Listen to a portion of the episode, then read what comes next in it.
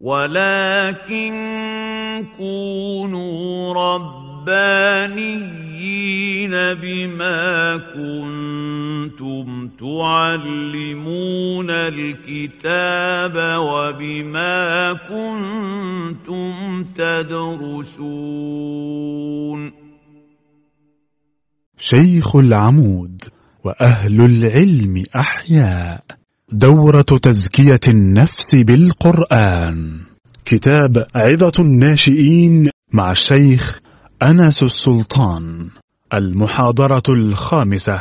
وقد انعقدت هذه المحاضرة يوم السبت. بتاريخ الحادي عشر من مارس عام 2017 من الميلاد. الموافق الثاني عشر من جماد الثاني من عام 1438 من الهجرة. بعد صلاة الظهر بمدرسة شيخ العمود بحي العباسية محافظة القاهرة. بسم الله الرحمن الرحيم الحمد لله رب العالمين والصلاة والسلام على سيدنا رسول الله محمد الصادق الوعد الأمين وعلى آله وصحبه وسلم تسليما كثيرا طيبا مباركا فيه إلى يوم الدين.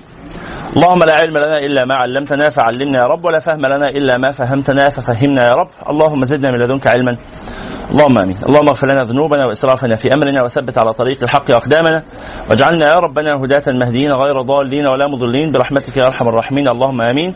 ثم أما بعد هذا هو اللقاء الخامس في إطار قراءتنا لكتاب عظة الناشئين للشيخ العلامة مصطفى الغلييني رحمه الله ورضي عنه وقد وصلنا إلى الموضوع آه الثاني عشر.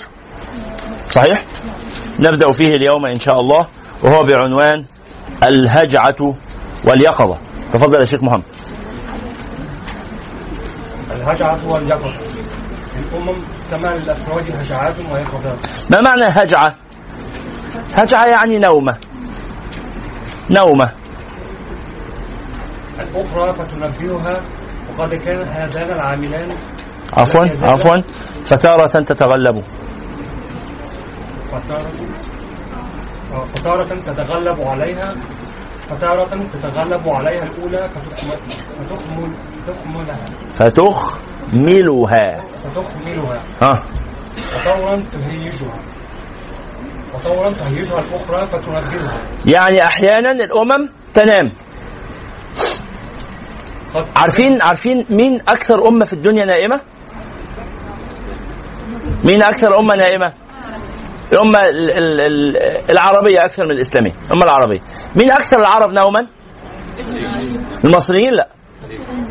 الخليج لا برضه. السودان. السودان هذا من عجائب الأشياء. أمة كسلانة فعلا. صحيح. صحيح. صحيح. الجو حار جدا وفرق درجة الحرارة من الشمس للظل ممكن يختلف 10 أو 15 درجة. يعني في نفس الوقت أنت واقف في الشمس لو اتحركت خطوة واحدة وبقيت في الظل أنتوا مستوعبين المعنى؟ درجة الحرارة تقل 15 درجة أو 10 درجات. وبالتالي فهم ما بيقدروش يخرجوا في الشمس. فعدد ساعات العمل في اليوم أربع ساعات خمس ساعات. يعني فواحد أستاذي كان في السودان قريبا وبعدين في وسط العمل كده عندهم وقت اسمه وقت الإيه؟ الكسل. اسمه كده وقت الكسل. نقعد نكسل. الله تفرحت الكسل ده إيه؟ ممكن نص ساعة ممكن ساعة. كسلانين. الحمد لله. مش بيناموا. قاعدين. مكسرين بس يعني هو مكسر ينام آه. مين بقى أكثر الأمم نشاطا؟ اليابان. نشاط مستفز. مستفز. الساعة ستة الصبح بلد زحمة. ناس نزلت وراحت أشغالها و... فالناس بتشتغل في اليوم 10 و12 ساعة. القانون بيمنع العمل خلال هذه الفترات يعني القانون بيلزم الموظفين إنهم ياخدوا أجازة ما بيحبوش ياخدوا أجازة. بيكرهوا الأجازات. أسوأ فترة في حياة الموظف هي فترة الأجازة ما بيحبهاش. ما بيحبش الأجازة فهو بيحب الشغل بيستمتع بالشغل. وأكتر موظفين بيشتغلوا هم مين؟ موظفين الحكومة. موظفين الحكومة بيباتوا بيواصلوا العمل ليل مع نهار موظفين القطاع الخاص مرتاحين شوية. لكن موظفين الحكومة ليه؟ لأن ده عمل عام ده أنت بتخدم الأمة كلها الأمة اليابانية. بياخدوا أحسن مرتبات بيشتغلوا أكتر شغل ممكن. ممكن يروحوا من شغلهم الساعة 10 و12 بالليل ويرجعوا يروحوا تاني 7 الصبح. القانون بيلزمهم بإنهم ياخدوا أجازة ما بيحبوش الأجازة يعملوا إيه؟ يزوغوا. يروحوا يشتغلوا وما يسجلوش على السيستم إن هم جم. أنت متخيل؟ دي ظاهرة متفشية. عشان عندهم قصور في الناحية الاجتماعية عشان هم بيحبوا الشغل الاثنين هو عنده طبعا قصور في الناحية الاجتماعية. بس قصوره في الناحية الاجتماعية سببه إيه؟ هو بيحب الشغل بيدمن الشغل. مستوعبين؟ اليابان من أعلى دول العالم انتحارا بسبب المسألة دي بسبب إدمانهم للشغل. الموضوع ده انت خلى إيه؟ خلى إنه هم عدد اليابانيين 130 مليون. هم رقم واحد في العالم في الإنتاج. أعلى دولة في العالم من حيث الإنتاج هي اليابان. في حين الصين الصين كم مليون؟ مليار و200 مليون.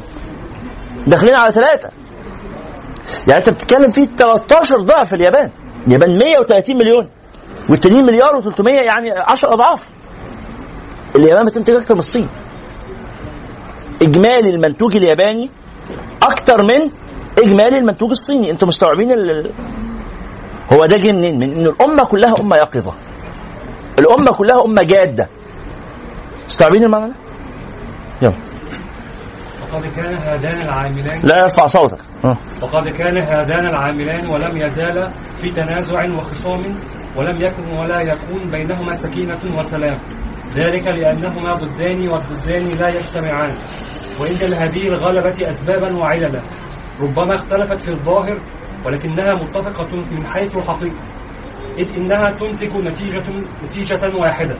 هي هي تنبيه الأمة أو إكمالها ويختلف التنبه أو الخمول قوة وضع- وضعفا باختلاف أسبابها المؤثرة في نفوس الأمم التي انتشرت فيها تلك العلل أو الأسباب أما الأسباب التي تجعل الأمة خاملة متقهقرة ساقطة فهي كثيرة إيه اللي يخلي الناس نايمين؟ إيه اللي يخلي الشعب كسلان؟ ها منها جمود كثير من العلماء جمود كثير من علماء الأديان ووقوفهم سدا منيعا أمام تيار الأمة المندفعة إلى التقدم لتكون من كبريات الأمم الحية ومنهم من يتخذ من يتخذون الدين وسيلة لمآربهم وشركا يصطادون وشركا عارفين الشرك؟ الشرك هو المصيدة هم. لتكون آه، وسيلة لمآربهم وشر- وشركا مآربهم يعني أهدافهم وأحلامهم الشخصية. وشركا يصطادون به عقول الأمة ليرجعوهم عقول العامة. عقول العامة. ليرجعوهم عن نصرة المصلحين. ومتابعة علماء الكون والاجتماع. فيكفرون ويفسقون ويحللون ويحرمون. وربما دماء دماء دماء الأبرار يبيحون. وما ذلك إلا النتيجة نتيجة من نتائج جهلهم أو غرورهم أو ضعف أخلاقهم أو كانوا يعلمون. أنتم منتبهين يا أخوانا؟ يعني هو يقول إنه من أول أسباب فساد الأمة من الأمم فساد علماء الدين فيها. فساد علماء الدين فيها أنهم يقاومون الإصلاح ويرفضون الإصلاح. وبالتالي تخمل الأمة لأن تستجيب لهؤلاء ال- ال- الجهلة. الجهلة اللي اسمهم في الظاهر علماء. بس هم في الحقيقة بي ما بيحركوش المجتمع بينيموا المجتمع. مستوعبين؟ ومنها استبداد الرؤساء وأرباب النفوذ وظلم الحكام واضطهادهم من يريد أن ينهض بالأمة من من درجات من دركات السفالة لما يبقى. الحاكم سافل. فيحاول الناس ينهضوا. هو يعمل فيهم إيه؟ يسفلهم. ينزلهم. يدوس على رقابيهم ليه؟ هو مش عايز نهضة. هو عايز يفضل هو الحاكم وبس. وانظر كيف بدأ بالعلماء قبل الحكام. لأنه إذا صلح الحك... العلماء ربما يصلح الحكام. لكن أما الح- الحكام الحكام فاسدين والعلماء فاسدين فمن أين يأتي الصلاح؟ نسأل الله السلامة. وهو الجهل وخديد الخمول إلى مستوى الفضيلة والعلم والتنبه وهناك أسباب أخر لا يسع المقام ذكرها وهي مع ما تقدم من الأسباب تخ- تخمل الأمة تخمل. تخمل الأمة وتسوق وتسوقها وتسوقها إلى مجازر الهوان والتأخر. عارفين اجمالا بعد السببين دول لو سبب ثالث يعني لماذا الأمة كسولة؟ لماذا الأمة كسولة؟ لو هنقول السبب الأول العلماء. السبب الثاني الحكام. السبب الثالث. إيه بالظبط في الشعب؟ إنه مفيش غاية.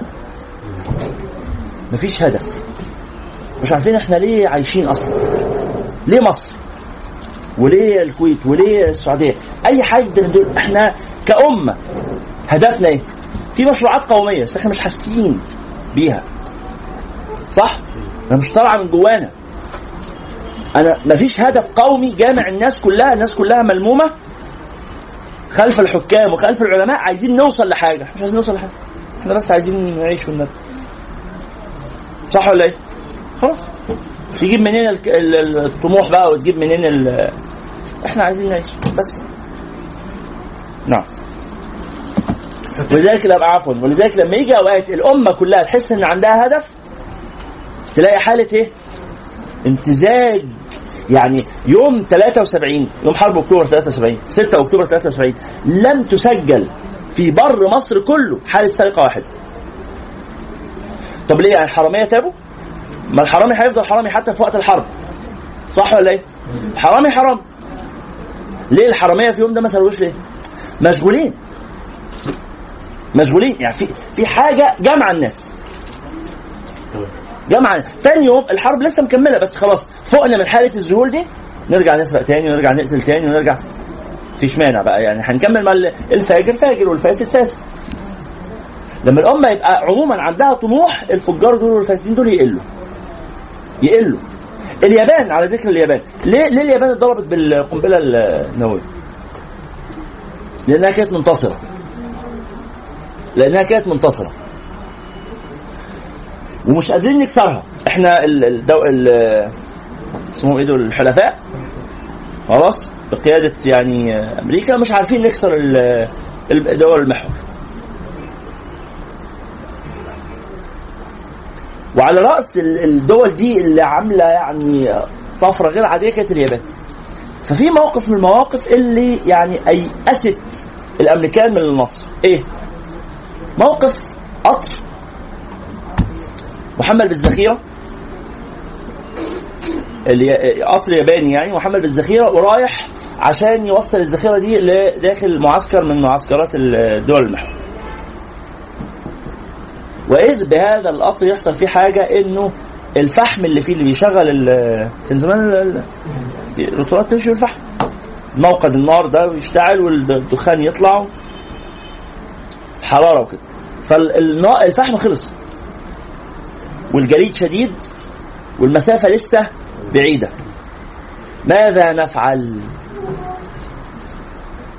بدأوا الجنود اليابانيين اللي في القطر يقذفون بأنفسهم داخل النار. واحد بعد واحد.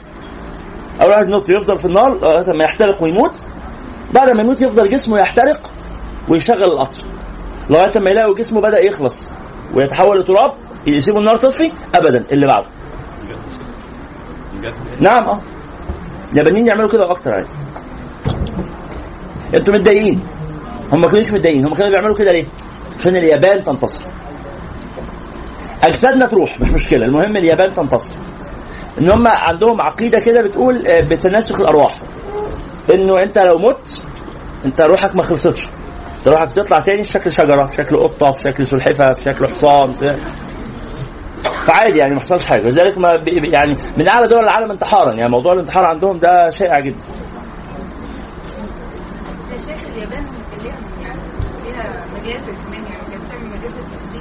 يعني آه طبعا.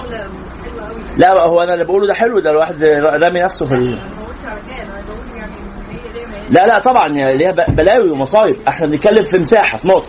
نقطة إيه؟ نقطة ناس عندها هدف. فمن أجل هذا الهدف تموت نفسها بلا أي غضاض بلا أي غضاض بس اليابان تنتصر. مستوعبين المعنى ده؟ لما الأمة ملهاش هدف ملهاش قائد محترم مفيش إمام مفيش عالم محترم. نعم مرتبط يا شيخ بال- بال- العلم أو طبعا طبعا طبعا طبعا. نعم. وأما حالتها في يقظتها في يقظتها في يقظتها صحيح. يقظتها فهي على غير ما تقدم لأنها تكون إداك أمة رفيعة الشأن سامية المقام عزيزة الجانب منبعة الحمى. منيعة. من خطأ هذا. منيعة الحمى أنتم منتبهين بقى المعنى ال- الأمة الناحية الثانية الأمة اللي إيه؟ اللي عندها حلم وهدف وغاية و... ففي لحظات اليقظة بقى ها؟ جمهورية الصوت. جهورية. صوتها عالي.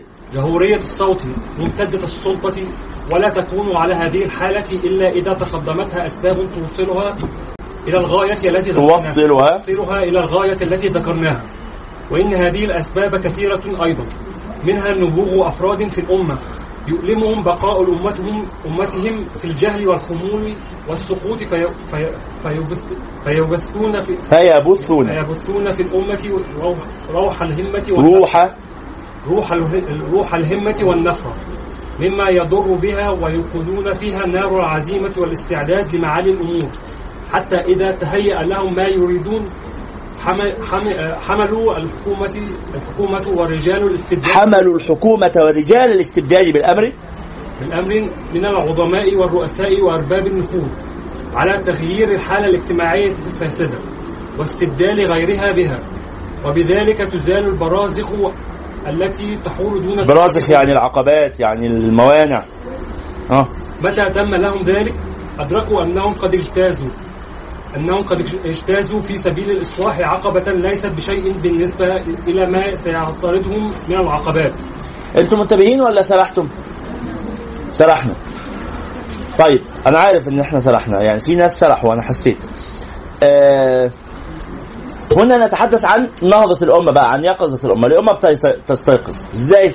إنه في مجموعة من أفراد الأمة بيسموهم الكتلة النوعية أو الكتلة الحرجة. مستوعبين فاهمين فاهمين الكلام؟ الكتلة الحرجة دول مجموعة من الناس يؤمنون بحلم ويترابطون فيما بينهم حتى يكونوا هم أصحاب السيادة أو أن يحملوا أصحاب السيادة على تطبيق حلمهم لأمتهم هذا ممكن؟ نعم هذا ممكن م. متى تم لأن إزالة الظلم والاستبداد وتغيير نظام الاجتماع لا يكفيان لرفع الأمة لا لحظة واحدة إحنا هنقرأ تاني من أول متى تم لهم ذلك من نص صفحة. انتبهوا معنا. متى تم لهم؟ اللي هم مين؟ مجموعة النابغين النابهين الذين يريدون الإصلاح. ها. متى تم لهم ذلك؟ أدركوا أنهم قد اجتازوا في سبيل الإصلاح عقبة ليست بشيء بالنسبة إلى ما سيعترضهم من العقبات. يعني عقبة الحكام ال- الفاسدين ليست هي العقبة الأصعب. ليست هي العقبة الأصعب. دي ممكن تبقى سهلة جدا. إزالتها. لكن ما بعدها بقى. ها. لأن إزالة الظلم والاستبداد وتغيير نظام الاجتماع لا يكفيان لرفع الأمة. إن بقيت جاهلة خاملة. نعم. فإن جهل الأمة أشد وطأة من ظلم الحكومة. نعم. وإن خمولها الكلام ده مكتوب سنة 30 ها؟ ها؟ مش مش 2012 مش 2010 مكتوب سنة 30 1932 وإن خمولها عقبة كؤود في سبيل في سبيل جعلها أمة حية يشار إليها بالبنان. نعم. وهذه العقبة أشد اعتراضا من عقبات المستبدين مستبدين ورجال الدين الجامدين. نعم. ومتى أدركت العقبة الأصعب وهي عقبة الجهل العام. الجهل العام الشعب الجاهل ده اللي هو يمين يمين شمال شمال. أصعب عقبة هي الجهل العام. نعم. ومتى أدرك النابغون من الأمة ذلك؟ فكروا في الوسائل التي تزيل حجاب الخمول والجهل عنها. عنها يعني عن الأمة ها. وما هي إلا إيق- إيقاظ نيران الثورة الأدبية التي تلتهم أخلاقها الفاسدة وعاداتها الضارة. الثورة الأدبية يعني؟ ثورة العلم ثورة المعرفة ثورة الحضارة نعم. ولا دواء أنجع في هذه الثورة. ولا دواء؟ دو... ولا دواء أنجعه ولا دواء أنجع في هذه الثورة من انتشار الجرائد الحرة الصادقة التي لا. التي لا تبيع الشرف خدوا بالكم برضه هو. بيتكلم على زمانه يعني هو بيتكلم على سنة 30 فكان ساعتها بيقول إنه أفضل حاجة نعملها إن إحنا ننشئ الجرائد والمجلات التي من خلالها نبث روح اليقظة في نفوس الأمة نعم بدريهمات يأكلها أصحابها ظلما وسحتا ومن ذلك أيضا انتشار الكتب الكتب النافعة بين طبقات الأمة. نعم. وربما كان لها في بعض ال- الأحايين تأثير عظيم أشد من تأثير الجرائد فعلى المفكرين أن يكثروا من الكتب الكتب النافعة. طبعا الكتب النافعة عندما كانت الكتب هي المؤثر. الآن إذا أكثر المفكرون من كتابة الكتب يضعونها على الجرائد. فينبغي على المفكرين الآن أن يكون عندهم صفحات على فيسبوك وينبغي على المفكرين الآن أن يتحركوا في المقاهي وإن هم يبقوا في المترو وإن هم يبقوا في يعملوا يوتيوب ويروحوا سناب شات ويروحوا فهمتوا المعنى؟ ينبغي على كل صاحب فكرة ما أن تتاح له وسيلة لنشر فكرته حتى يستعملها حتى يمارس نشر أفكاره من خلالها. نعم. فعلى المفكرين أن يكثروا من الكتب النافعة. نكون بقى إيه عقولنا ناضجة ولا نقف عند المثال. يقولون الرجال لا يقفون عند المثال.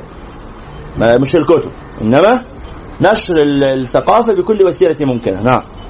التي توقظ شعور الأمة وتنبهها من هجعاتها وأن يعضدوا الصحائف الوطنية وأن الصادقة إيه؟ وأن يعضدوا وأن وأن يعضدوا الصحائف الوطنية الصادقة. يعني يدعموها. لما تلاقي مجا... صحيفة صادقة ادعمها. طبعا لما تلاقي صحيفة صادقة ادعمها أيام ما كان في صحائف دلوقتي لما تلاقي صفحة صادقة ادعمها لما تلاقي مكان موقع أو حاجة بينشر علم وبينشر ثقافة ادعمه. ادعمه وانتمي إليه وشجع الناس على الذهاب إليه. يجب دعم هذه الأماكن. نعم. والمجلات المفيدة النافعة. وذلك بترغيب وذلك بترغيب الأمة فيها بترغيب والسعي الامه وذلك بترغيب الأمة فيها والسعي والسعي تكثير سواد من يبتاعها سواد من يبتاعها يبتاعها يعني يشتريها. روج لها. شغل نفسك من فريق التسويق لل- للمجلة دي وللجورنان ده. أنتم مستوعبين؟ كان في الثلاثينات كانت وسيلة التغيير ال- الأكبر. فاكرين الراجل اللي كان اقرأ الحادثة؟ اقرأ اللي حصل. فاكرين الراجل ده؟ آه ما بقاش موجود طبعا ما بقاش موجود ولكن آه، الوسيلة اتغيرت لسه الهدف اسمه إيه؟ ادعم بقدر ما تستطيع أي مكان أي صفحة أي موقع أي ش... كده بيدعو الناس إلى الفضيلة. إيه؟ الثورة الأدبية بالضبط. دعموا هذه الأماكن، نعم. الأخلاق، القيم، العلم. والعلم هنا مش شرعي. ده المعنى اللي بنأكد عليه دايما. العلم ما نقصدش بيه العلم الشرعي، إنما الشرعي واللغوي والإنساني والطبيعي. علم الاجتماع علم النفس ها؟ علم الفلسفة. أي علم من شأنه إن هو يهذب الأخلاق أي علم من شأنه يرتقي بفكر علم الفيزياء. لما تلاقوا صفحات بتشتغل بتعمل ملخصات في الفيزياء وفي الكيمياء وفي الجيولوجي وفي الاحياء كده ادعموها وروجوها. خلوا الناس يشوفوها. خلوا الناس يشوفوا ناشونال جيوغرافي ها؟ ودعموا الكلام ده. وأشيعوه ثقافة. خلوا الناس يشوفوا المسلسلات التاريخية ال- المهمة. ادعموها. ها؟ وخلوها تنتشر. وقولوا لأصحابكم واكتبوا على صفحاتكم. ها، حطوها على فلاشات وادوها للناس. حطوها في قصوها في مقاطع وحطوها في يوتيوب وفي وفي ساوند كلاود. إلى آخره. نعم. لتسير الأمة في سبيل المجد وتسلك طريق طريق السعادة. محدش يقول بقى لا ما هو لما العلم ينتشر لوحده الأمة هتسلك طريق السعادة. لا ما هو مش في السذاجة دي. مش في السذاجة دي. إنما مراحل. أجيال. بتسلم أجيال. جيل بينشر الوعي. اللي بعده ينشر أكتر اللي بعده يفعل اللي بعده ينتج اللي بعده يستثمر. إذا إذا فعلا الثقافه العامة الثقافه العامة إذا كانت لا تقبل الظلم لا يحصل الظلم. إذا كانت الثقافة العامة ثقافة توافق على الاستبداد تقبل الاستبداد وتذعن الاستبداد وترسخ الاستبداد هينتشر يبقى الخطر الأكبر ولذلك كان ال- ال- الدكتور مالك آه، المهندس مالك بن نبي تعرفون مالك بن نبي. كان يقول مين عارف مالك بن نبي يرفع إيده كده؟ عجيب. ومين مش عارفه؟ لا بأس لا بأس لا بأس. ما حصلش حاجة عادي. بس يعني ما هو ما ينفعش ما تعرفوش. ماشي خلاص ما فيش مشكلة طبعا هيقولوا طب ما إحنا هنعرفه منين؟ ولا حاجة من اللي أنا بقوله أهو. أديني بتكلم عنه أهو عشان تعرفوه مالك بن نبي أحد المفكرين المهمين جدا في في التاريخ الحديث. والراجل مشغول بإصلاح الأمة وبنهضة الأمة و... فعنده كتب كثيره مهمة منها كتاب ميلاد مجتمع. ومنها كتاب الظاهرة القرآنية.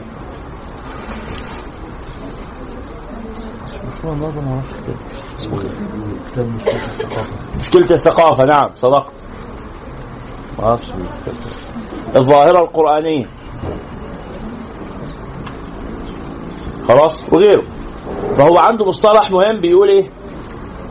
أنتوا ممكن ممكن تشوفوا في محاضرة للمهندس أيمن في يوتيوب عن مالك بن نبي عن التعريف بمالك بن نبي. تقدروا تشوفوه. تختصر لكم المسألة كده. إيه؟ نعم. نعم. عن مالك بن نبي نفسه. اكتبوا كده المهندس أيمن عبد الرحيم مالك بن نبي في يوتيوب. هتطلع لكم المحاضرة مدتها يمكن ساعة ونص ساعتين. اسمعوها. أهي مختصرة اهي بدل ما تروحوا تقروا الكتب كلها أو تبقوا كونتوا فكرة بس فكرة مهمة. فكرة مهمة. خلاص كده؟ فكان عنده مصطلح مهم اسمه الاستعمار والقابلية للاستعمار. الأمة لا تستعمر إلا إذا كان عندها قابلية للاستعمار ولذلك الأهم من مواجهة الاستعمار هو مواجهة إيه؟ أنتوا معايا ولا مش معايا؟ مواجهة القابلية للاستعمار في استبداد وفي قابلية للاستبداد. نعم. نعم. نعم. صحيح. بس الشيخ بتقول ان ان هم مش لازم تكون تقبل الظلم عشان يقع مفيش في أمة بتقبل الظلم آه في ما بتكونش عارف تتصرف يعني على الظلم لا على مش لا إيه. لا لا ده بتحبه وبتزعل له وبتبوس البيادة كمان. تسمعش عن الناس كده؟ إيه يا حسام في إيه؟ تقريبا حاسسني إنك جاي من بره يعني. انت منين يا حسام ما تستفزنيش يعني آه بيسموه عين العدل. ضرب الحبيب زي أكل الزبيب يا أخي أنت مال. إحنا مبسوطين كده. وهنحط البياده فوق دماغنا ونربطها كده في وشنا ونتبسط بيها. ونرقص. صح ولا إيه؟ موجود ده ولا مش موجود؟ كتير ولا مش كتير؟ الأغلب في البلد كده ولا مش الأغلب؟ يبقى في قابلية للاستبداد ولا مفيش قابلية للاستبداد؟ دعنا من الاستبداد. أنا الخلل فهمت الموضوع؟ الإشكال مش في وجود. قالوا المصريين يا فرعون إيش فرعنا؟ ما لقيتش حد يلمني ما لقيتش حد يلمني بس يعني. بمنتهى البساطه فيبقى لا في قابلية للاستبداد يا حسين. موجودة عند بعض الناس. الناس دول كتير. أنتوا معايا يا اخوانا؟ فهمتوا المقصود؟ يلا. فتنبهوا رعاكم الله معشر الناشئين ولا تكونوا من الخاملين على فكرة أنا آسف يا محمد. القابلية للاستبداد دي شبهها الإعلانات اللي عاملها اسمه إيه ده طارق نور كده الفترة الأخيرة لو شفتوها على كوبري أكتوبر بتاعت معيش فك. آه. شفتوها؟ بقى معيش فك. خد بالباقي لبان فوت علينا بكرة. ده استبداد. آه، حملة كده حملة أخلاقية متعلقة على كوبري أكتوبر جميلة جدا. بتحذر أو بتنبه إلى الايه الكلمات السيئة اللي بيستعملوها المصريين وبيبرروا بيها فسادهم. زي إيه؟ زي إنك تركب تاكسي أو ميكروباص أو غيره ويبقى ال- الفلوس اللي المفروض تدفع 18 جنيه فتدفع 20 وخلاص. يقول لك معيش فك. ماشي كده؟ لا أنا من حقي آخد ال 2 جنيه دول. من حقي آخدهم. وما تحسش إن أنا وأنا باخدهم منك إنه إيه؟ إنك بتمن عليا. يعني فارقه معاك ال 2 جنيه؟ آه فارقه معاك. مش فارقين وأنا عاوزهم. لا فارقين. اهو 2 في 2 في 2 يجمع لي في 10 جنيه في آخر اليوم آه تفرق معاك ولما هم مش فارقين ما بتجيبهمش ليه؟ بس هو استنطاع عارفين الاستنطاع؟ تلاحة كده. ممكن تبقى انت معذور يا شيخ تمشي لا الواقف هو ما عندوش فك تمشي يكون معاك فك. لما تنزل تشتغل لما تركب التاكسي بتاعك أول يوم الصبح كده تعالى لي عندي في البيت 500 جنيه جنيهات. بتخلص. ال 500 جنيه هيخلصوا؟ لا. انت لو نازل بكمية كافية قبل ما تركب زبون جديد. انت فكرة انك مركز. مش ممكن يحصل لك موقف زي ده في في أوروبا. مش ممكن. ولا في الدول العربية. في ماليزيا. مش ممكن. مفيش حاجة اسمها. أنتوا فاهمين المعنى؟ انت قبل ما تتحرك بالتاكسي بتاعك تشوف انت معاك فك كفاية انك تدي للناس. أصل انت مش محتاج أكتر من إنه لو معاك 10 جنيه جنيهات 20 جنيه جنيهات. خلصوا انزل فك من أي كشك. ما ينفعش تشوف الكشك اللي بعده. وانت المكان بتبقى انت واقف لوحدك أو ما معكش حد إن أنت تفك لحظة واحدة أنت بتتكلم في إيه؟ في المحل؟ في المحل؟ المحل اللي جنبك. أنت في أول محل لحظة واحدة. أنت أنت في أول اليوم في المحل يكون عندك في الدرج بتاعك تبداش درج صفر. أنت مستحيل مستحيل في المحل في يوم واحد تطلع 500 جنيه فك.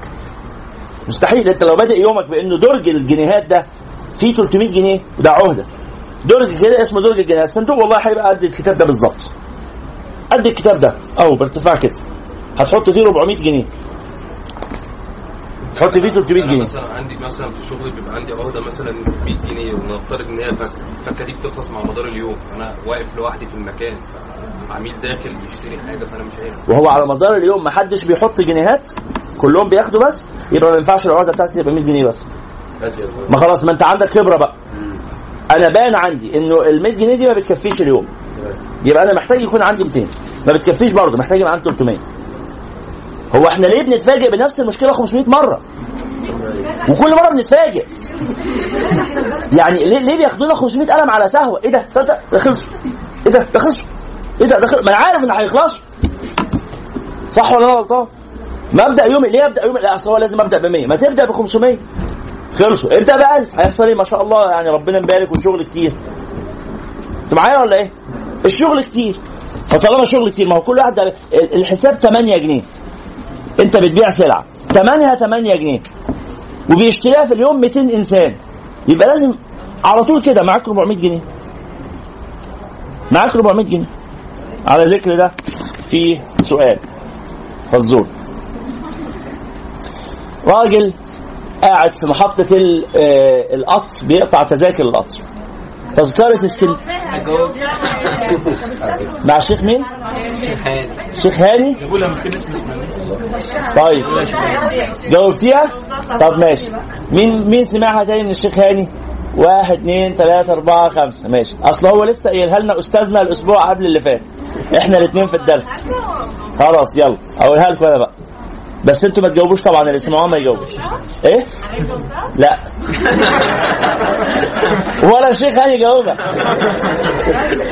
وكان معانا شيخنا الثالث ما جاوبهاش برضه. عادي يعني.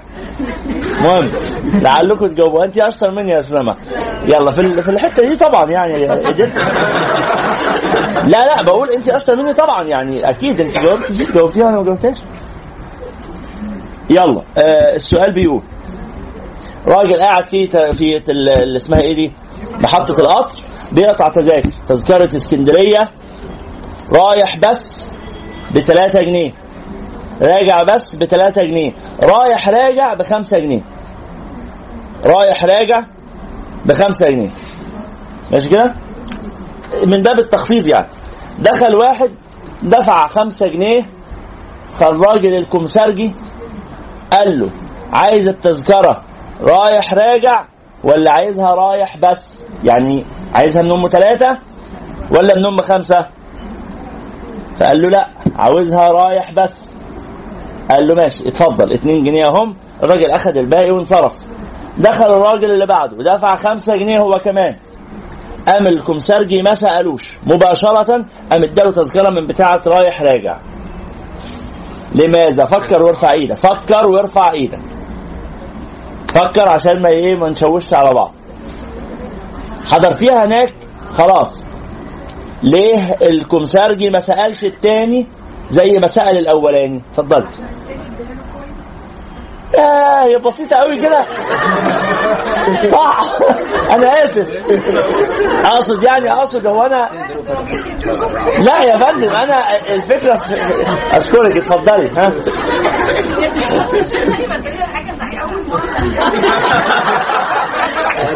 يعني ما هو أنا إيه هشيل ذنوبي وذنوب الشيخ يلا بسم الله.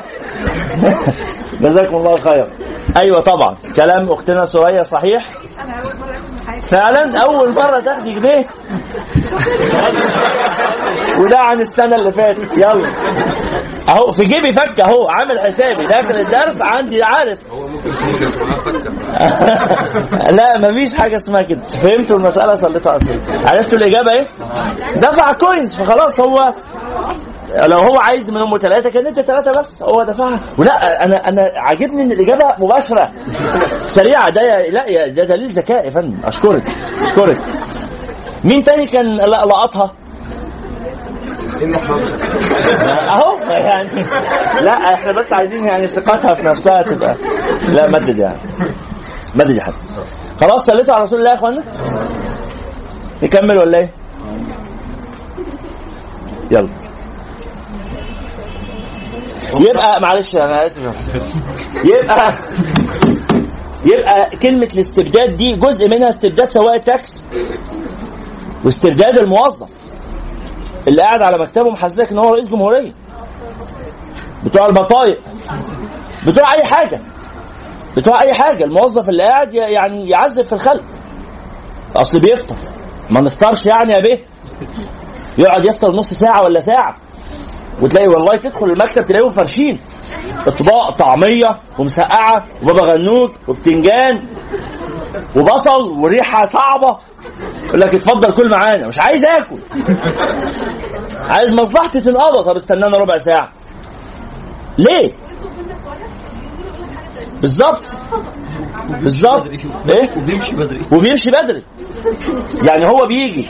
المفروض آه هو شغله المفروض على الورق على الورق شغله الساعة 8 إلى 3 بيجي 10 ما بيجيش 8 و- ويفطر.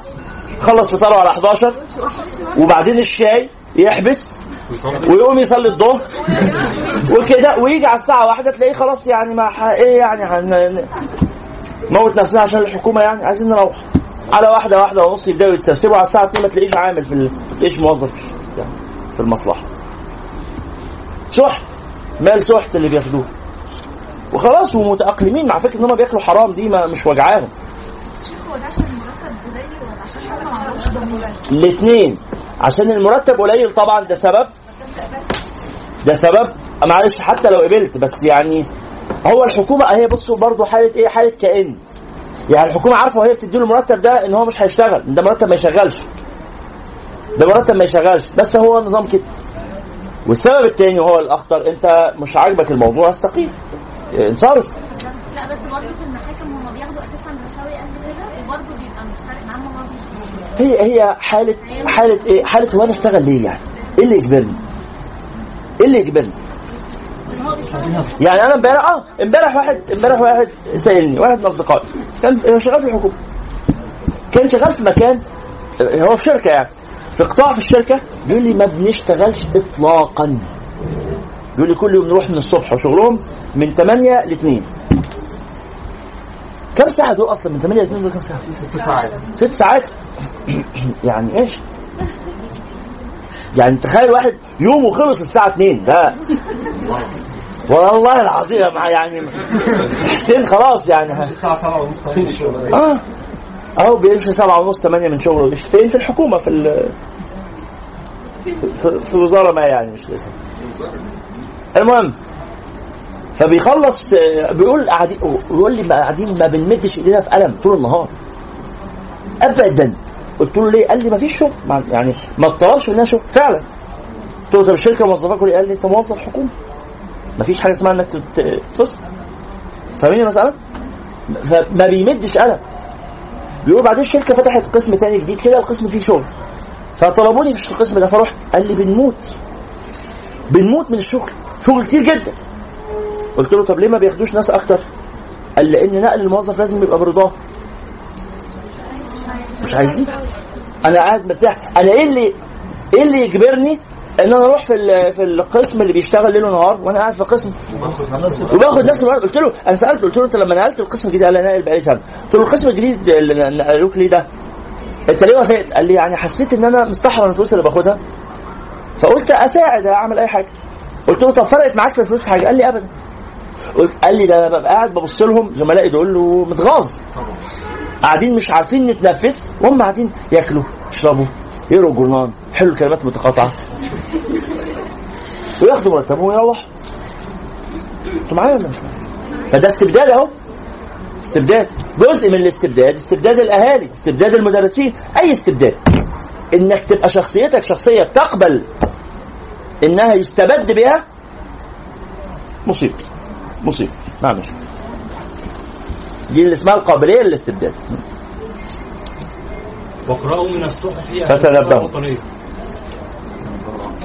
تتنبهوا. رعاكم الله معشر الناشئين ولا تكونوا من الخاملين. واقرأوا من الصحف أشدها وطنية. شدها أشدها وطنية. اقرأ حاجة تخليك بني آدم. اقرأ حاجة تخلي معاني ال- الحمية تحيا جواه فاهمين المعنى؟ اقرأ حاجة تخليك يا إخوانا والله الواحد ما بيعرف ينام الليل من الهم. مش بإحساس بالمسؤولية. فهتبقى عايش حياتك كده مش حاسس بالمسؤوليه تجاه أمتك ولا تجاه وطنك ولا تجاه دينك و... اهي كده. عايشين وخلاص. أو بناكل وبنشرب منهم إلا كالانعام بل هم اضل نسأل الله السلامة. أعزكم الله وأجلكم يا طلاب العلم. أن تكونوا أمثال هؤلاء. يجب يا إخواننا مسألة الأمة تبقى تعنيكم وتبقى شغلاكم. فعلا. ها؟ ده جزء أساسي من التزكية. إن أنا شخص مشغول. بانه حال الامه يكون افضل. مشغول وبعمل إيه؟ اعمل اي حاجة حتى لو بعمل حاجة قد كده. حتى لو بصلح بلاعات. ها؟ حتى لو بصلح آه، ساعات. حتى لو أنا محاسب ولا مهندس ولا دكتور ولا مبرمج ولا مدرس. ايا كانت شغلانتك ولا وظيفتك؟ ها؟ بس أنت في الشغلانة دي أنت مشغول بإنك بتعملها ليه؟ أنتوا معايا؟ عشان الشغلانة دي جزء من إن الأمة تبقى أمة منتجة. جزء من إن الأمة تبقى أمة بتستغل طاقاتها جزء من إن الأمة تبقى أمة أفضل. أنت مشغول بإن الأمة تبقى نشيطة. أنت مشغول إنك تبقى تبقى بني آدم عايش. مش مش همل. أنتوا معايا ولا مش معايا؟ انشغل بهذا المعنى. انشغل بهذا المعنى. لا يستحق الحياة من عاش لنفسه فقط. لا يستحق الحياة. ما انت انت أنت مش عامل إضافة في المجتمع. انت أنت لا قيمة لك. تافه كده. تافه. ما ينفعش. دي مش حياة أهل الأخلاق الراقية. أهل الأخلاق الراقية مشغول بإن هو مؤتمن عنده رسالة عنده قضية. مين فينا يا إخوانا بي قاعد مشغول كده بيسهر الليل ولا حتى بيقوم الصبح ولا بيتحرك في الحياة؟ يشوف قدامه أي إحصائية عن أحوال الأمة فيتشغل فيهتم. إيه؟ أنت بتروح المدرسة خيرا تفعل. يعني آه، حسن بيروح المدرسة. إن شاء الله مروحه للمدرسة ده جزء من نهضة الامه يروح المدرسة عشان يتعلم. فهو مشغول بإنه يتعلم بجد مش إنه يلعب. حلو اللعب إن أنا ألعب شوية من يومي بس ما يبقاش أغلب يومي حاضر. ما يبقاش أغلب يومي لعب أغلب يومي مذاكرة أغلب يومي جدية. أنا ليه جاد أعيش حياة الرجال كده؟ ليه؟ عشان أنا عندي مسؤولية. حسن ده الله يستعمله في إن الأمة تنهض وإن الأمة تبقى قوية. ليه حسن؟ ده شخص قوي. مش فاهمين المعنى إن أنا أعيش في الحياة وأنا ممتلئ بهذا المعنى. فرق كبير. إن أنا أعيش في الحياة وأنا تافه لا حسن ليس من التافهين. حسن ليس من التافهين. حسن من الناس اللي مهتمين بأحوال الامه مهتمين بأحوال الامه فلما يقابل قدامه أي معلومة أو إحصائية حسن لما يعرف مثلا إنه في معدلات إنه إنه الإنتاج ضعيف في البلد وإنه مفيش مصانع فيبقى رجل أعمال يعمل مصنع. أنا أمس شفت فيديو وجع قلبي. ولد عنده سبع سنين. عامل مشروع كسب فيه حتى الآن 21 ألف دولار. عنده سبع سنين. شاب أمريكي ولد طفل يعني شاب ولد صغير أمريكي. إيه؟ مشغول. دماغه مشغولة. بإنه يعمل حاجة. عمل إيه؟ عمل مشروع آه، recycling تجميع آه، بينزل يشتغل. عنده سبع سنين بس بيشتغل.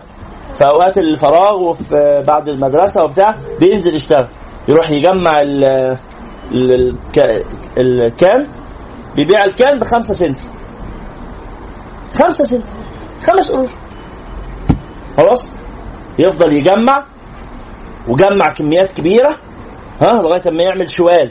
ويروح يبيعه وياخد خمسة خمسة دولار عشرة دولار خمسين دولار مئة دولار. ها؟ عمل كام؟ عمل واحد وعشرين ألف دولار. ثروة. ثروة. وعنده سبع سنين. 400 ألف جنيه. نربي عيالنا على إن هم يبقوا كسيبة على إن هم رجالة معتمدين على نفسهم. صحيح. لكن إحنا هنا لا الواد ما يشتغلش. الواد يفضل قاعد بس يتفرج على الكرتون. لن يكون لن يكون من ال من ال ال الايه عودهم ناشف فاهمين المسألة؟ نزل الولد يشتغل نزل ابنك ونزل بنتك نزله يشتغل. اشتغل أي شغلانة. في بيئة بس نتأكد إن أنا هنزله إيه؟ مع راجل محترم. آه ما مش هروح عشان هو يبقى راجل عشان الولد يبقى ولد قوي فأخلاقه تفسد. لا. ويروح يبقى. يبقى حلاق يبقى نجار يبقى حداد يبقى سباك الحرف دي مع الدراسة لأن هو لما يبقى سباك ويدرس هيهتم بأنه ممكن يدخل كلية هندسة يروح قسم مية ها فاهمين المسألة؟ يعني المشكلة عندنا في مجتمعنا غريبة شوية أنا من وجهة نظري يعني مثلا لو إحنا هنتكلم فكرة السباق هو لما ياخد القرار ده العنف هيروح داخل في الموضوع فبالتالي هو هيحس إن في تأثير نفسي على شخصيته. يعني شوية حاجات كده بحس. أيوه أيوه ولذلك مطلوب إنه أولادنا لما نلاقيهم بدأوا يعملوا كده نقدرهم ونشجعهم وندعمهم. مش نسخر منهم. نقول له أنت بقى اللي هتصلح الكون. آه يا أخويا. أمال أنت اللي هتصلحه ببوزك الاخص ده؟ أنت اللي هتصلح الكون. أيوه يا أخويا أنا اللي هصلح الكون. يلا تركن أنت على جنب. فهمتوا المعنى؟ أيوه يبقى عندي ثقة في نفسي في انه لما حد يجي يسخر مني ما تهزش مع سخرير يقول على فكرة اللي أنت بتعمله ده كلام فارغ. أقول له شكرا. خليك في كوزك إيه اللي اتأدب اللي أنا بقولها دي؟ آه بس هي ضرورية. إيه ده ده درس تزكية المفروض نبقى مؤدبين. اذا تصدقوا؟ إحنا في العمود صح. لما يجي حد يسخر مني أقول له جزاك الله خيرا يا ولما يضربني على وشي أديله قفايا. ها؟ لا حديث النبي صلى الله عليه وسلم. طبعا بس هي الاشكال في الفهم. الاشكال في الفهم. فيجي واحد يكسر مقاديفي ما كسرهاش. أنا إيه اللي يخليني أصلا أوصله لغاية مقاديفي؟ أنا كون إن أنا اديت له مقاديفي يكسرها أنا اللي غلطان. أمثلها أو لا أمسك مقاديفي وأكسره بيها. مش اديها له يكسرها؟ نحاربهم بالحب. إن شاء الله عليك.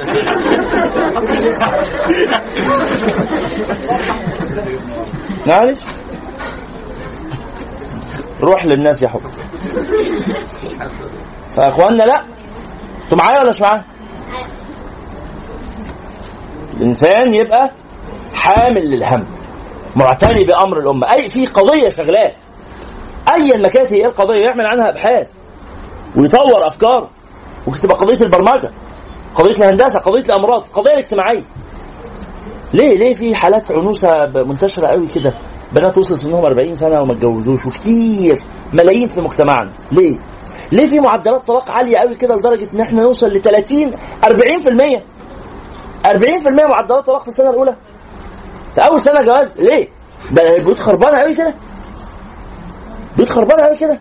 رايحين يتجوزوا دول ما فيش حد أدنى نخليه ينفع يبقى راجل آه، مسؤول عن أسرة والبنت آه، آه، متجوزة مفكرة إن جوزها ده هيفضل يدادي فيها ويدلع فيها ولما تلاقيه نازل يشتغل تقول له أنت اتغيرت وما بقتش حسين بتاع زمان؟ عايزة إيه أختي من حسين بتاع زمان؟ يقعد ويدلعني. مش فضيلة حسين عنده شغل لا ما مش حسين أنت يعني. لا بتكلم عموما. والله أنا ما بهزرش. بنت دماغها معوجة. ووشها معوج ولسانها معوج وتقول أنا ما أصل أنا متخيلة الحياة الزوجية بقى إن أنا يعني ما كنتش عاملة حسابي على كده. يا حسرة عليا يا حسرة عليا. قاعدة أغسل وأطبخ ما بعرفش أطبخ. ما بعرفش تطبخي؟ امال هو متجوزك إن شاء الله عشان تاكلوا ديفري لا بالله عليا إيه؟ تعرفوا تطبخوا لحظة واحدة. لحظة واحدة. آه. لحظة واحدة. لحظه معلش.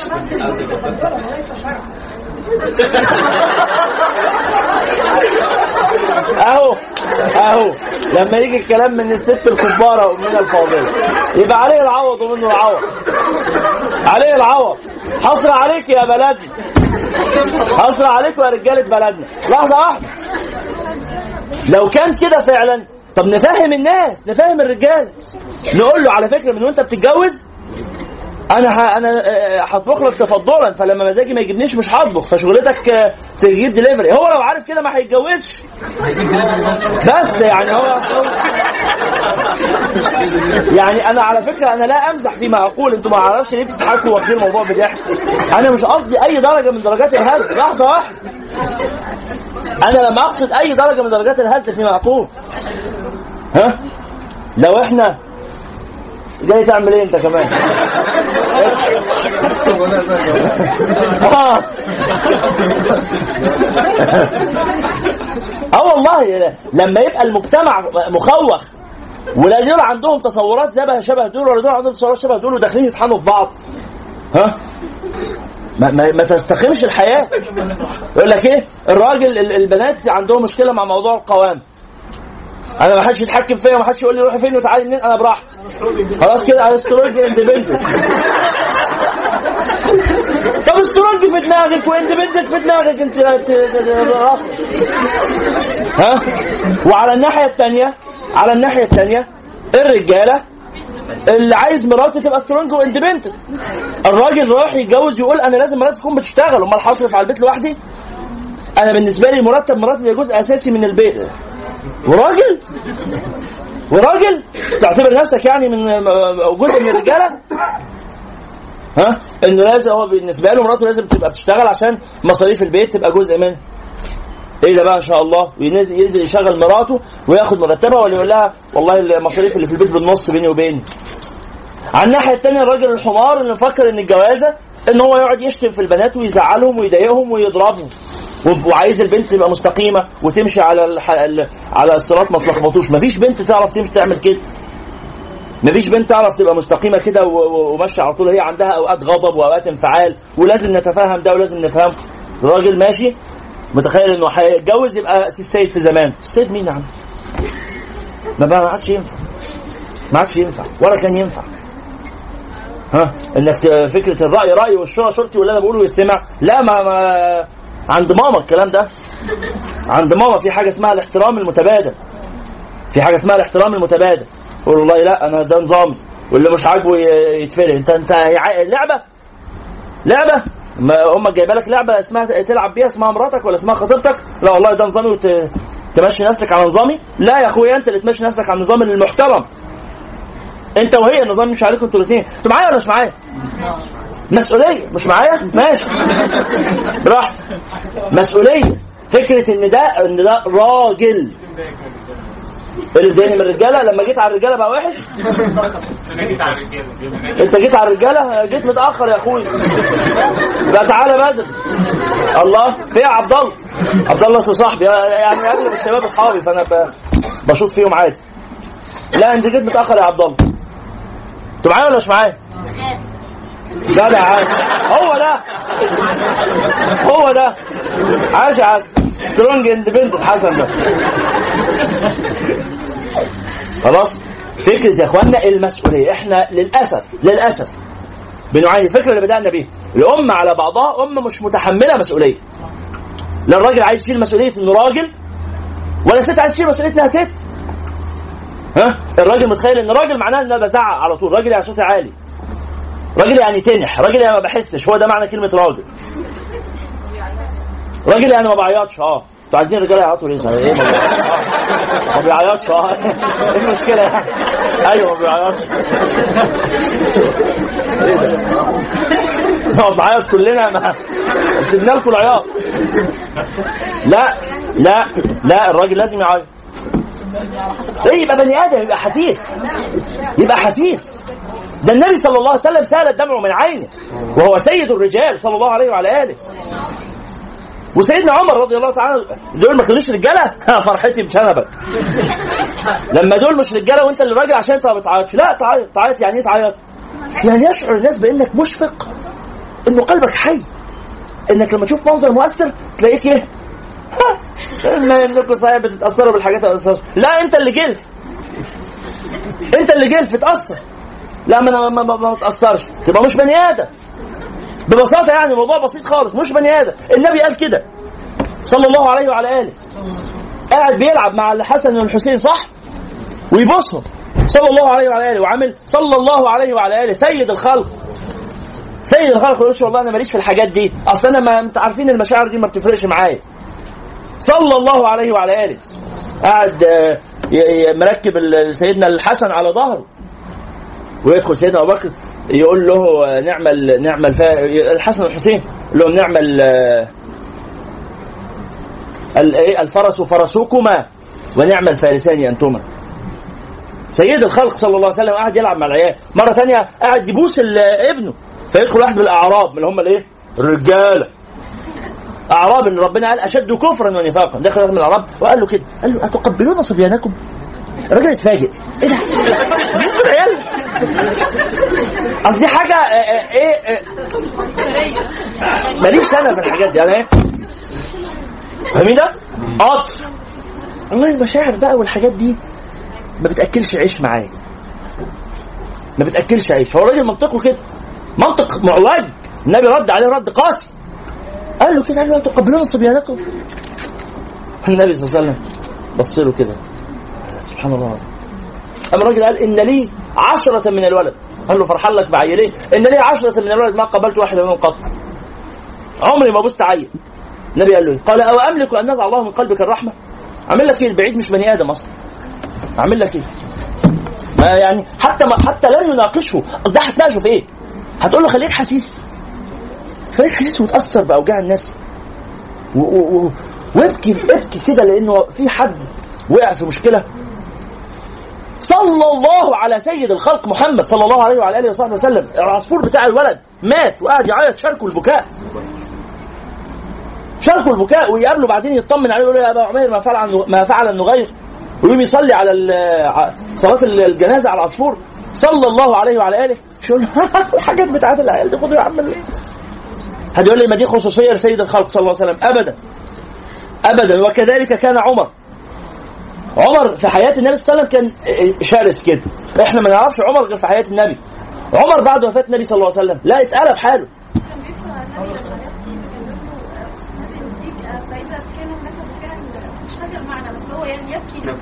طبعا. يبكي لبكاء رسول الله صلى الله عليه وسلم. لما الحديث كان رسول الله صلى الله عليه وسلم يبكي. فدخل أبو بكر. ما يعرفش إيه الموضوع. فبكى لبكاء النبي صلى الله عليه وسلم. فدخل سيدنا عمر فوجد رسول الله وأبو بكر يبكيان. فبكى لبكائهما. الثلاثه قاعدين يعيطوا ما يعرفوش في إيه. في حاجة اسمها كده. هو دي شخصية سيدنا عمر الشديد اللي إذا تكلم أسمع. آه ما فيش تعارض. أنت في وقت إذا تكلمت أسمعت وفي وقت قلبك حي يقظ. يقظ. حد وقع في مشكلة حد صباعه اتقطع تقعد تبص. إيه ده؟ إيه ده؟ مش بني آدم وفكر إن هي دي الرجولة. إن مراتك لما تخاف من الصرصار تسخر منها. لا ما تسخرش منها تتعاطف معاها. تتعاطف مع حقها تخاف من الصرصار. هو ما بيخوفش بس ما بيخوفكش أنت. لا هو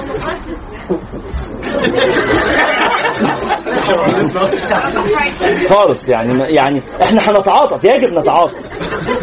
يجب نتعاطف إحنا ما بنحسش بده ماشي.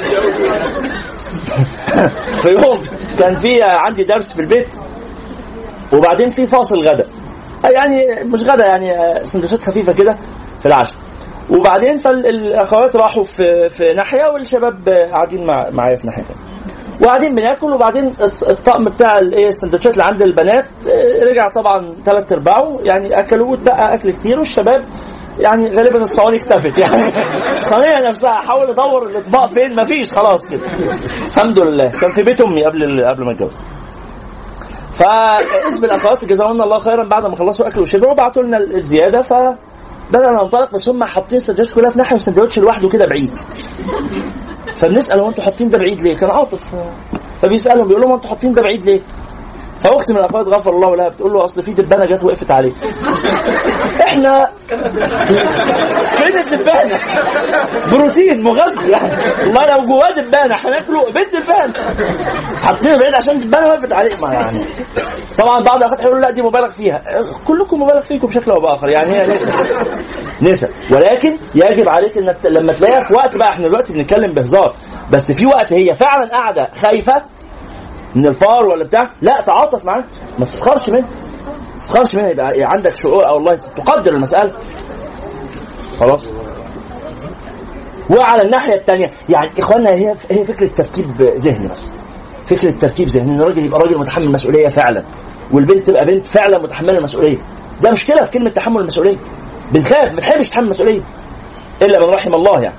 إلا من رحم الله. فلما نرجع لمشكلة الأمة اللي إحنا كنا الشيخ مصطفى الغليني بيكلمنا عنها نلاقي الموضوع مشكلته هنا.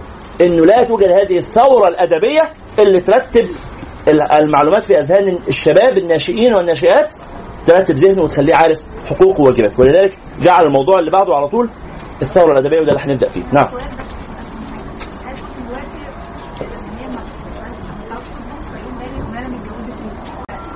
هو متجوزها عشان الطبخ؟ لا مش متجوزها عشان الطبخ، هو متجوزها عشان شوية حاجات كتيرة من ضمنها الطبخ، من ضمنها.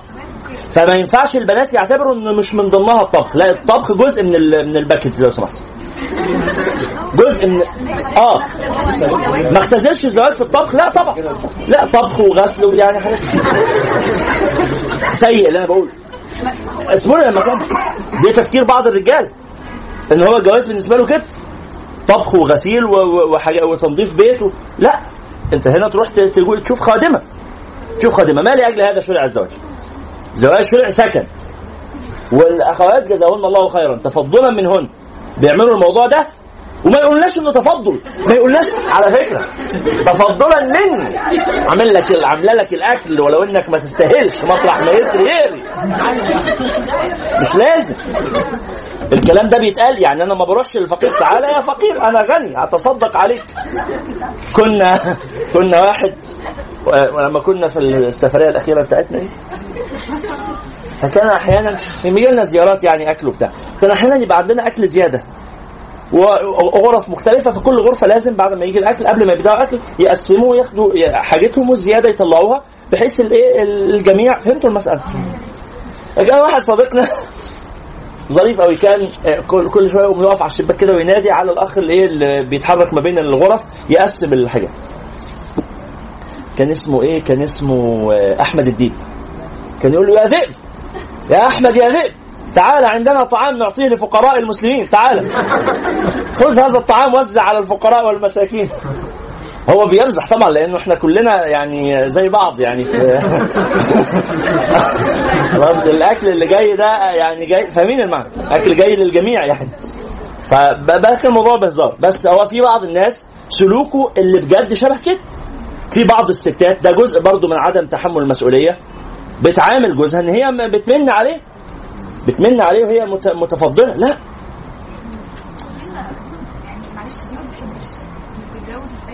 ايا مكان بقى ايا مكان ايا مكان ترتيب ترتيب الأذهان على تحمل المسؤولية على الفهم. عارفة؟ حتى بما فيها مسألة الحب مسألة الحب واخدة حجم أكبر من حجمها بكتير في الجواز. حجم أكبر من حجمها بكتير وده من الحاجات الغريبة. الجواز مش معمول عشان الحب. ولا الحب معمول عشان الجواز. ده حاجة وده حاجة. أنا بتكلم بجد. ده حاجة وده حاجة. ده جزء من الفهم. ده جزء من الفهم. في حاجة أجل من الحب اسمها السكينة اسمها المودة اسمها العشرة. اسمها العشرة.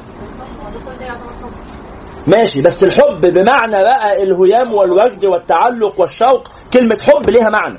عندنا. مش هو ده. حتى القرآن ما استخدمش الحب كتعبير عن الزواج.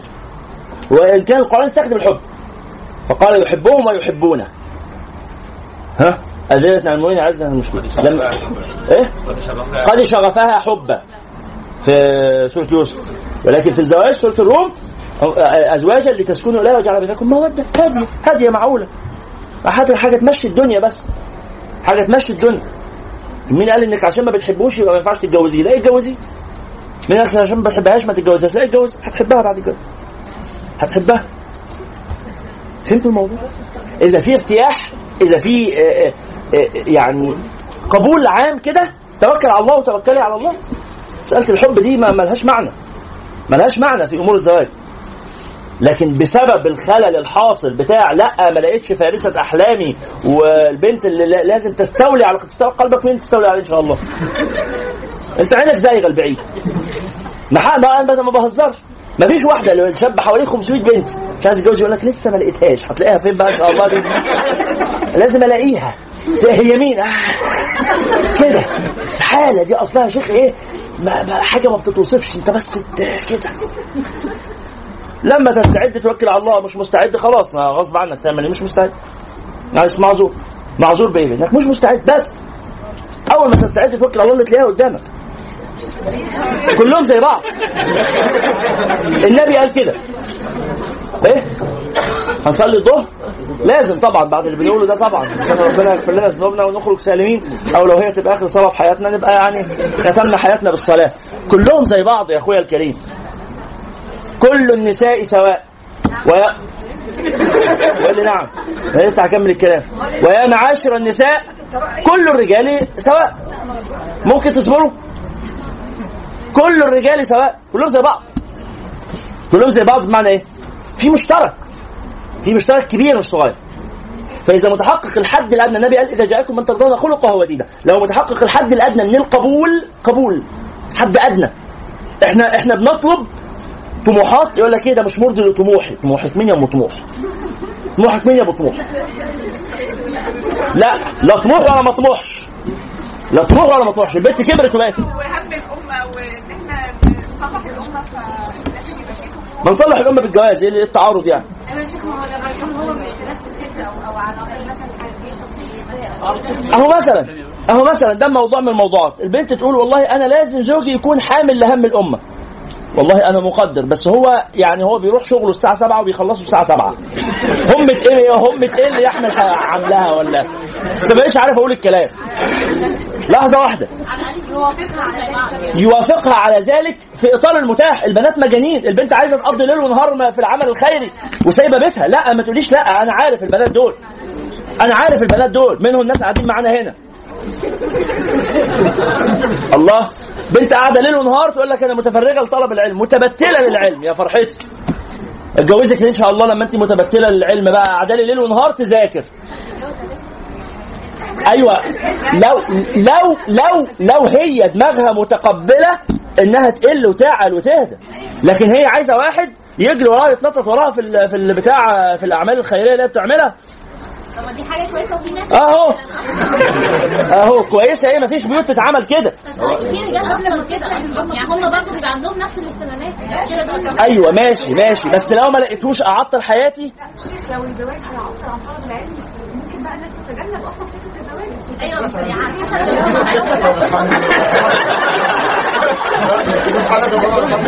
قلتش حاجة أنا؟ قلتش حاجة؟ أهو أنا ساكت أهو. صح. صح. صح. طيب. شوفوا يا اخوانا شوفوا يا اخوانا صلوا على النبي. صلوا على النبي بس. بهدوء كده الموضوع قلب مننا حاجات يعني دراماتيكية قوي. بهدوء بهدوء بهدوء. بهدوء إذا في حد بيصلي محترم وهيتقي ربنا فيكي بهدوء كده بالمعقول توكلي على الله وافقي نفس الكلام ليك. إذا في واحدة بنت ناس كده وكويسة والموضوع يعني اجمالا معقول وملموم كده ما تقدرش تقول أصل دي ناقصها كلهم ناقصهم. كلهم. وكلنا ناقصنا. ما من امرأة النبي قال كده. ما من امرأة تحب فيها شيء إلا وتكره فيها شيء. فإن كرهت منها خلقا احببت منها اخر مش لاقي واحدة كاملة مكملة. وطول ما أنت عمال تقارن ودي ناقصها والثانيه ناقصها والثالثه ناقصها هنعمل لك واحدة سوبر وومن بقى نجمع من دي ومن دي قطع غيار بشرية ونقوم عاملين لك واحدة دي اللي فيها كل ده. تفصيل. نفصل لك منين ولا نفصل لك منين ما بنعرفش نفصل. خلاص؟ فجوزك هيبقى ناقصه حاجات. ما تبصيش بقى ربنا قال ولا تمدن عينيك. وقال للنبي صلى الله عليه وسلم سيد الخلق. لا تمدن ما تقولش والله ده يا سلام لو مراتي فيها كده لو مراتك فيها كده كان هيبقى عندها عيب تاني أنت ما تعرفوش. فخلاص استحمل الموجود ارضى بالموجود. والنبي قال كده قال من راى من رأى امراه فأعجبته فليأتي امرأته. مش عندك واحدة في البيت؟ فليأتي امرأته. فإن النساء في ذلك الأمر سواء. الستات بعد ما يتجوزوا سنة سنتين ثلاثة بعد الجواز خلاص. مدام كلهم مدامات يعني مش المشترك أكبر بكتير. يعني كلهم نساء آه، عندهم أماكن آه، مساحات جيدة في الأخلاق ومساحات لا, لا ترضيك. والرجال كذلك. ما كلهم ما هو كلهم رجاله متجوزين. يا فندم بنقول مساحة المشترك بين الستات كلهم كبيرة ومساحة المشترك بين الرجالة كلهم كبيرة. في مساحة مشترك كبيرة. إن الرجالة كلهم في مجموعة من الصفات أو السمات الموجودة عند كل الرجاله خلاص؟ ده من من باب المشترك من باب مش من باب إن هم كربونة متطابقات أو انهم كربونة متطابقين. في اختلافات ولكن اختلافات غير مؤثرة بدرجة كبيرة. إذا تاني ما بنقولش نقلب ما بنقولش نرضى وخلاص ونعيش بس بنقول نقلل طموحاتنا. بنقول نبقى واقعيين واقعيين في خططنا. بس ده كل القصة. نبقى واقعيين في خططنا. يعني لما يكون في صفة فعلا خطيرة أنا مش هقدر أتقبل الحياة معاه زي الكذب واحد بيكذب ما نقبلوش منتهية دي. واحدة بتكذب ما تقبلهاش. بيحصل نرفض السجاير على حسب. عايز يبطل وكده نحاول نساعده. لا بالنسبة له حاجة هو مش مدخن شره وبتاع لا ما نقبلوش. خلاص. ظروف الناس غير بعض. وصل وصل المسألة؟ مش خطيرة كده بس هي مش إن هي خلاص مفيش مشكلة. لا لا مفيش مشكلة من حقها. ما بنقولش يا إخوانا توافقوا. أنا مش هدفي إن إحنا نوافق خالص. لا الاخوات يوافقوا ولا نقول للشباب كل ما إيه واحدة تعجبك خلاص تروح تتقدم لها. لا مش ده المقصود. واصلا إيه إيه، سيرة الجواز مش هي السيرة ال- ال- الأساسية يعني في موضوعنا السيرة الأساسية في موضوعنا هي فكرة تحمل المسؤولية. بس. أن تشعر بلاش. كل قصة الجواز على بعضها ممكن ما تكونش مهمة. ممكن أوافق. مفيش مانع. بس عشان إيه؟ عشان حاجة تانية أكثر أهمية أكون واخدها بجدية مفيش مانع وده يبقى استثناء ونادر وما نظرلوش وما عمموش وما حسش إن هو ده الوضع الطبيعي. أفضل فاكر ويبقى لي فترة ويبقى ده وضع استثنائي ويبقى لي فترة مفيش مانع. مفيش مانع. وظروف الناس غير بعض. محاضرات البيت المسلم بتاعت الشيخ أشرف مكاوي طبعا يعني. بتاعت الباشمهندس أيمن. بتاعت الباشمهندس أيمن بتاعت الشيخ حاتم برضو جيد. مرفوعة على اليوتيوب؟ كلها؟ مرفوعة على MediaFire طب مش هترفع على اليوتيوب؟ طيب خلاص الله المستعان. خلاص وموجود على MediaFire من الإدارة تقدروا تاخدوه وصول الحاجات في MediaFire ده صعب قوي ما أعرفش. رخم جدا. طب حطوها حتى SoundCloud ولا حاجة. حد ينزلها ويرفعها في SoundCloud. آه حد يعمل كده. ما SoundCloud ده سهل. لو حد يعمل كده يا ريت. نعم؟ نجتهد إن شاء الله. حاضر. نجتهد. نجتهد المعنى يا إخواننا هو تحمل المسؤولية ولذلك قال بعدها الثورة الأدبية تعالوا نقرا بسرعة قال الثورة الأدبية الأمم في حال مرضها الاجتماعي تكون حاجاتها إلى إصلاح ما فسد فيها من الأخلاق وتقويم ما عوج من فروع الاجتماع أكثر من حاجة المريض إلى الدواء. وصلت المسألة اللي كنا بنتكلم فيها؟ يمرض الإنسان فيلجأ أهله وذووه إلى طبيب يثقون به فيصف له من الأدوية ما يراه مفيدا له. وتمرض الأمة جمعاء إلا من رحم ربك. فلا تلجا إلى طبيب الاجتماع ليداوي أمراضها ويخفف اوصابها ويخلصها مما أصابها. وذلك ناشئ من أحد أمرين. المشاكل الاجتماعية دي اللي بتصيب المجتمع. ليه ما بنعالجهاش؟ مشكلة العنوسة دي كانت أحد المشاكل. مشكلة الطلاق دي مشكلة تانية. مشكلة البطالة مشكلة ثالثه مشكلة عدم الضعف الجدية العام مشكلة رابعة. مشاكل كتير. مشكلة التعليم. مشكلة الأخطر. المشكلة الأخطر. مشكلة التعليم الابتدائي والتعليم الإعدادي والتعليم الثانوي والتعليم الجامعي والتعليم الفني والتعليم الصناعي والتعليم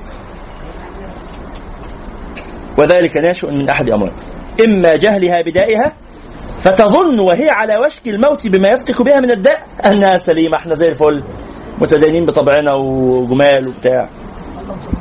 آه. أنها سليمة من الاراب من الأمراض نقية من الأوصاب وإما أنها تدري كل الدراية ما فيها من الآلام وما يعتورها من الأدواء غير أنها لا, لا ثقة لها بما يحيط بها من الأطباء أو أنها اعتراها ما, ما منعها من التفكر في طلب الطبيب. وترسل الأمة كثيرا من أبنائها إلى مدارس الطب إلى مدارس الطب ليطبوا أو ليطبوا بعد تعلمهم أجسامها كثير قوي كليات طب كثير عشان نطبب الأجسام. ولا تبعث بأحد منهم إلا القليل النادر إلى مدارس الأخلاق والاجتماع. فين المصلحين الاجتماعيين؟ فاهمين المعنى اللي عايزين نقوله؟ في أطباء مشهورين وعيادات طبية كام ألف عيادة في البلد؟ في كام ألف استشاري نفسي واستشاري اجتماعي واستشاري أسري؟ على قد ما إحنا عايزين أطباء على قد ما إحنا محتاجين هؤلاء المستشارين. محتاجين مستشارين اجتماعيين. أنا دراستي الآن في علم النفس بدرس في كلية علم نفس وفي كلية تانية اجتماع بالتوازي. في عين شمس وفي القاهرة. خلاص؟ محتاجين عدد ضخم من الاستشاريين النفسيين. ومن الاستشاريين الاجتماعيين عدد ضخم. عشان مشاكلنا اللي إحنا بنواجهها. أكتر من عدد الأطباء. ليداووا بعد تربيتهم أخلاقها ويهذبوا نظام اجتماعها وما ذلك إلا من فساد النفوس التي تقدم الماديات على الأدبيات. خدتوا بالكم؟ الأمة في حاجة إلى القسمين من هؤلاء المتعلمين لكن حاجتها إلى أطباء الاجتماع وحكماء الأخلاق أكثر من حاجتها إلى من يداوي أجسامها. إن مرضت الأمة مرضا وبيلا فتاكا فذلك لا يقضي إلا على حياة عشرة في الألف من مجموعها. ثم يكون الداء دواء. وإن مرضت مرضا اجتماعيا قضى مرضها على تسعة وتسعين في المئة. وأنتم ترون معشر الناشئين أن القضاء على حياة الأفراد أسهل من القضاء على حياة المجموع. وبعد. فلا يمكن فلا يمكن شعبا من الشعوب أن ينهض إلا إذا كان بين ظهرانيه من يداوي أخلاقه ويدفعه إلى الترقي ويهيج من عاطفته من عاطفة التنبه ويثير فيه كامن المعالي. وبقدر ما لديه من هؤلاء المداوين يكون مقدار تنبهه أو خموله الأمم لا تنهض إلا بترقية الأخلاق الفاضلة واستئصال كل خلق فاسد من نفوسها وتهذيب نظام اجتماعها ومتى, ومتى تم لها ذلك هان عليها كل شيء بعده كتغيير أنظمتها السياسية والاقتصادية والعمرانية. ولا يمكننا تنمية الأخلاق العالية وإصلاح ما اختل من قواعد الاجتماع إلا بالثورة الأدبية التي يهيجها في نفوس الأمة أولئك المصلحون من أطباء الاجتماع. والأخلاق رويدا رويدا حتى تستأصل شأفات الأخلاق الفاسدة فيحل محلها صالح العادات. الثورة الأدبية قيام أفراد من الأمة حسنت أخلاقهم وصفت سرائرهم وزكت أعراقهم ليغيروا فيها حالتها الاجتماعية والخلقية. فيهيب فيهيبون بها. يهتفون يعني. فيهيبون بها لتنهض. ويثيرونها لتترك ما ألفته من العادات الضارة والأخلاق المنحطة ولا يزالون يهيجون ويتعبون ويسعون وينصبون حتى ينالوا ما يريدون. والشرط كل الشرط أن تكون البداءة بذلك حسب أو حسب مقتضى الحال. حتى إذا استعدت الأمة لما هو أرقى أفرغوا ما لديهم من جعبات الأفكار الصحيحة وكنانات الآراء الصائبة وإلا كانت إثارتها شرا. من بقائها من بقائها على حالتها القديمة. يعني أنت تحرك الأمة تبقى مستعدة. الأول نعلمها. مش هوجة؟ فاهمين المسألة؟ هوجة من غير استعداد. نموت نفسنا ونموت أمتنا. نموت نفسنا من أمتنا. والهدوء. الهدوء. خطوات متتابعة لكن نوصل لحاجة. وليكن إقدامهم على العمل كإقدام الطبيب على مداواة المريض. لا يصف له الطعام إلا بعد أن ينال من الصحة منالا يمكنه من تناوله. حتى إذا بلغ من الصحة حتى إذا بلغ أشده من الصحة جعله حرا في تناول ما لا يضر ما لا يضر بالأصحاء. فليتنبه إلى ذلك المرشدون المصلحون الأمة الأمة في حاجة شديدة إلى الثورة الأدبية لإصلاح حالها والنهوض بها من وهدة الانحطاط. وأنتم معشر الناشئين أولئك الأطباء. أنتم يا طلاب شيخ العمر أنتم وأنا أعني ما أقول. أنتم. وما نقولش لا ومش جاهزين ومش مستعدين. نستعد بقى. نستعد ونجهز. نستعد ونجهز. قدامنا سنتين ثلاثة أربعة في الأروقة خمسة. إن شاء الله ربنا يكرمكم. تخلصوا الأروقة كل واحد فيكم في محله في المكان الذي هو فيه في عمارتك وفي بيتك وفي جامعتك وفي جامعك وفي مسجدك وفي شركتك وفي مكانك يجب أن تكون مشعل من مشاعل الهداية. يجب. تبقى أنت المصلح الاجتماعي اللي في منطقتك. إيه؟ طبعا. طبعا. ده بالأساس البنات. هيتجوزوا مش ليهم جيران؟ مش ليهم جيران؟ مش ليهم عيال؟ لا هيسمح. هيسمح إن شاء الله هيسمح. هيسمح. اديني رقم تليفون وأنا هتفاهم معاه ما بهزرش والله هي- هيسمحوا هيسمحوا بس نكون إحنا جادين ما بنلعبش. ونتوازن ون- وما نقصرش في حاجة. ونعمل توازن كده ما بين ده وده.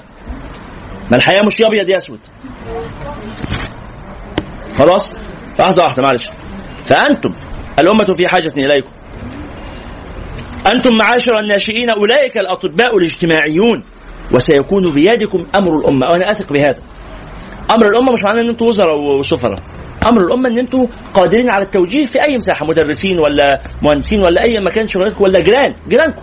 جمعوا جيرانكم. ناس ما بتعرفش تتعلم أساسيات دينها. تعلموهم بس يقروا قران ويتعلموهم يصلوا وتعلموهم أحكام الأساسيات اللي أنتم عارفينها دي. تعلموا العيال الصغير كيف ينطقون اللغة بطريقة سليمة. كيف يقرؤون القرآن قراءة صحيحة. هذه مسؤوليتكم وأنتم قادرون على تحملها وعلى القيام بها. أنتم قادرون جميعا. ومن من يأسش. وما يقولش يا ده في كتير قوي أنا ما أعرفوش. ولا الكلام اللي كنت بتقوليه كلام مهم. لا قدامنا طريق طويل. نصبر نصبر. ندي نفسنا فرصة. سنة واثنين وخمسة وعشرة ما جراش حاجة. واللي اتعلمت 10 حاجات اتعلم حاجة. اتعلمت 10 حاجات اتعلم حاجة. مع الوقت. مع الوقت. هتتدبر. أنتم معاشر الناشئين أولئك الأطباء الاجتماعيون وسيكون بيدكم أمر الأمة وستوكل إليكم إثارة أفكارها وبث الأخلاق الصحيحة فيها. نعم. أنتم وافتكروا كلامي ده. ولما كانوا اساتذتنا يقولوا لنا كده كنت أنا بحس إنه إيه ما مش هيحصل وبتاع والله جه وقت مشايخنا بيموتوا وإحنا اللي أمثالي هم اللي قاعدين للتدريس والله ما قلت ده كتير هذا من من خيبة حال الأمة إنه أمثالي هم اللي يقعدوا للتدريس من خيبة حال الأمة ولكن هنعمل إيه؟ هنعمل إيه؟ الله سبحانه وتعالى يعني وضعنا في هذا الموضع، ليه؟ أه الله أراد. الله أراد. وهيجي وقت هتقعدوا. هتقعدوا إيه؟ مش لازم في التدريس، في حاجة ثانية، في أي مكان هتقعدوا، هتسألوا. هتسألوا. وهتيجوا لما يتوجه لكم السؤال تقولوا ياه لو بس كنا شدنا حيلنا في الدراسة كان زماني عرفت أجاوب، لا ما بعرفش أجاوب، لا مع السلامة. ما ذاكرتهاش، استنى ما أروح أفتح الكتاب. وستوكل إليكم إثارة أفكارها. والأهم من المعلومة افتكروا هذه الكلمة اكتبوها لو سمحتوا الأهم من المعلومة الفكرة وروح المعلومه في حاجة اسمها المعلومة وحاجة اسمها روح المعلومه المعلومة ممكن تروح وتيجي. لو نسيت المعلومة روح ذاكرها. مش مهم. بس إيه الأهم من روح من, المعلومة؟ روح المعلومة. يعني إيه روح المعلومة. الفكرة الاساسيه الحماس اللي, مرتبط بيها. الهم الحامل عليها. الشغف. روح المعلومة. ها؟ ان أنا مشغول. ان الم- المعلومة دي خلطت عصبي. خلطت لحمي ودمي. حسن اقعد دلوقتي معلش. إن المعلومة دي انت فاهمين المعنى؟ معلومة تمثلني. حتى لو نسيت المعلومة. بس أنا فاكر الإيه؟ الحالة فاكر الهم فاكر الشغف فاكر الإطار العام. وتاني العلم اللي بتنهض بيه الأمة مش العلم الشرعي فقط. شرعي ولغوي وانساني وطبيعي. اتعلموا فيزياء وعلموها الناس. اعملوا في بيوتكم معمل للمنطقة للعمارة تيجي ويجي ولاد المنطقة يا بنات يجوا ولاد وبنات المنطقة الصغيرين عندكم في البيت عشان تعلموهم مخترعات الفيزياء والكيمياء الأساسية. الم- الم- ال- المدارس ما فيهاش معامل اعملوا أنتم معامل في بيوتكم بسيطة معمل بسيط. ممكن يكلف من ضمن جهاز البيت كده يبقى جزء من حلمك. من جهاز البيت كده تقول لجوزك معمل هيطلعك من قبل ما يتجوزك. هاتيله الفكرة بشكل بسيط. وانت الآخر هات الفكرة لمراتك ولا لخطيبتك بشكل بسيط. عايزين يبقى لينا دور مع مع عيال المنطقة مع ابن البواب وولاد البوابين الباقيين. لينا دور. لينا دور ولو بسيط. نعلمهم ألف ب ونعلمهم الحساب ونعلمهم نخليهم يجربوا المخترعات. إيه؟ نعلمهم القرآن نعلمهم الصلاة وكل ده ممكن وكل ده لا مشقة فيه. أنتم بيدكم الأمر ستوكل إليكم إثارة أفكارها وبث الأخلاق الصحيحة فيها فكونوا من الآن رجالا حازمين. عاقلين منتبهين وضعوا نصب عيونكم أنكم ستكونون أطباءها الناصحين ومرشديها المخلصين ووعاظها العاملين. تكن لكم من الشاكرين. وصلى الله على سيدنا محمد وعلى آله وصحبه. والسلام عليكم ورحمة الله وبركاته. هو الذي بعث في الأميين رسولا منهم يتلو عليهم آياته ويزكي يزكيهم ويعلمهم الكتاب والحكمة وإن كانوا من قبل لفي ضلال مبين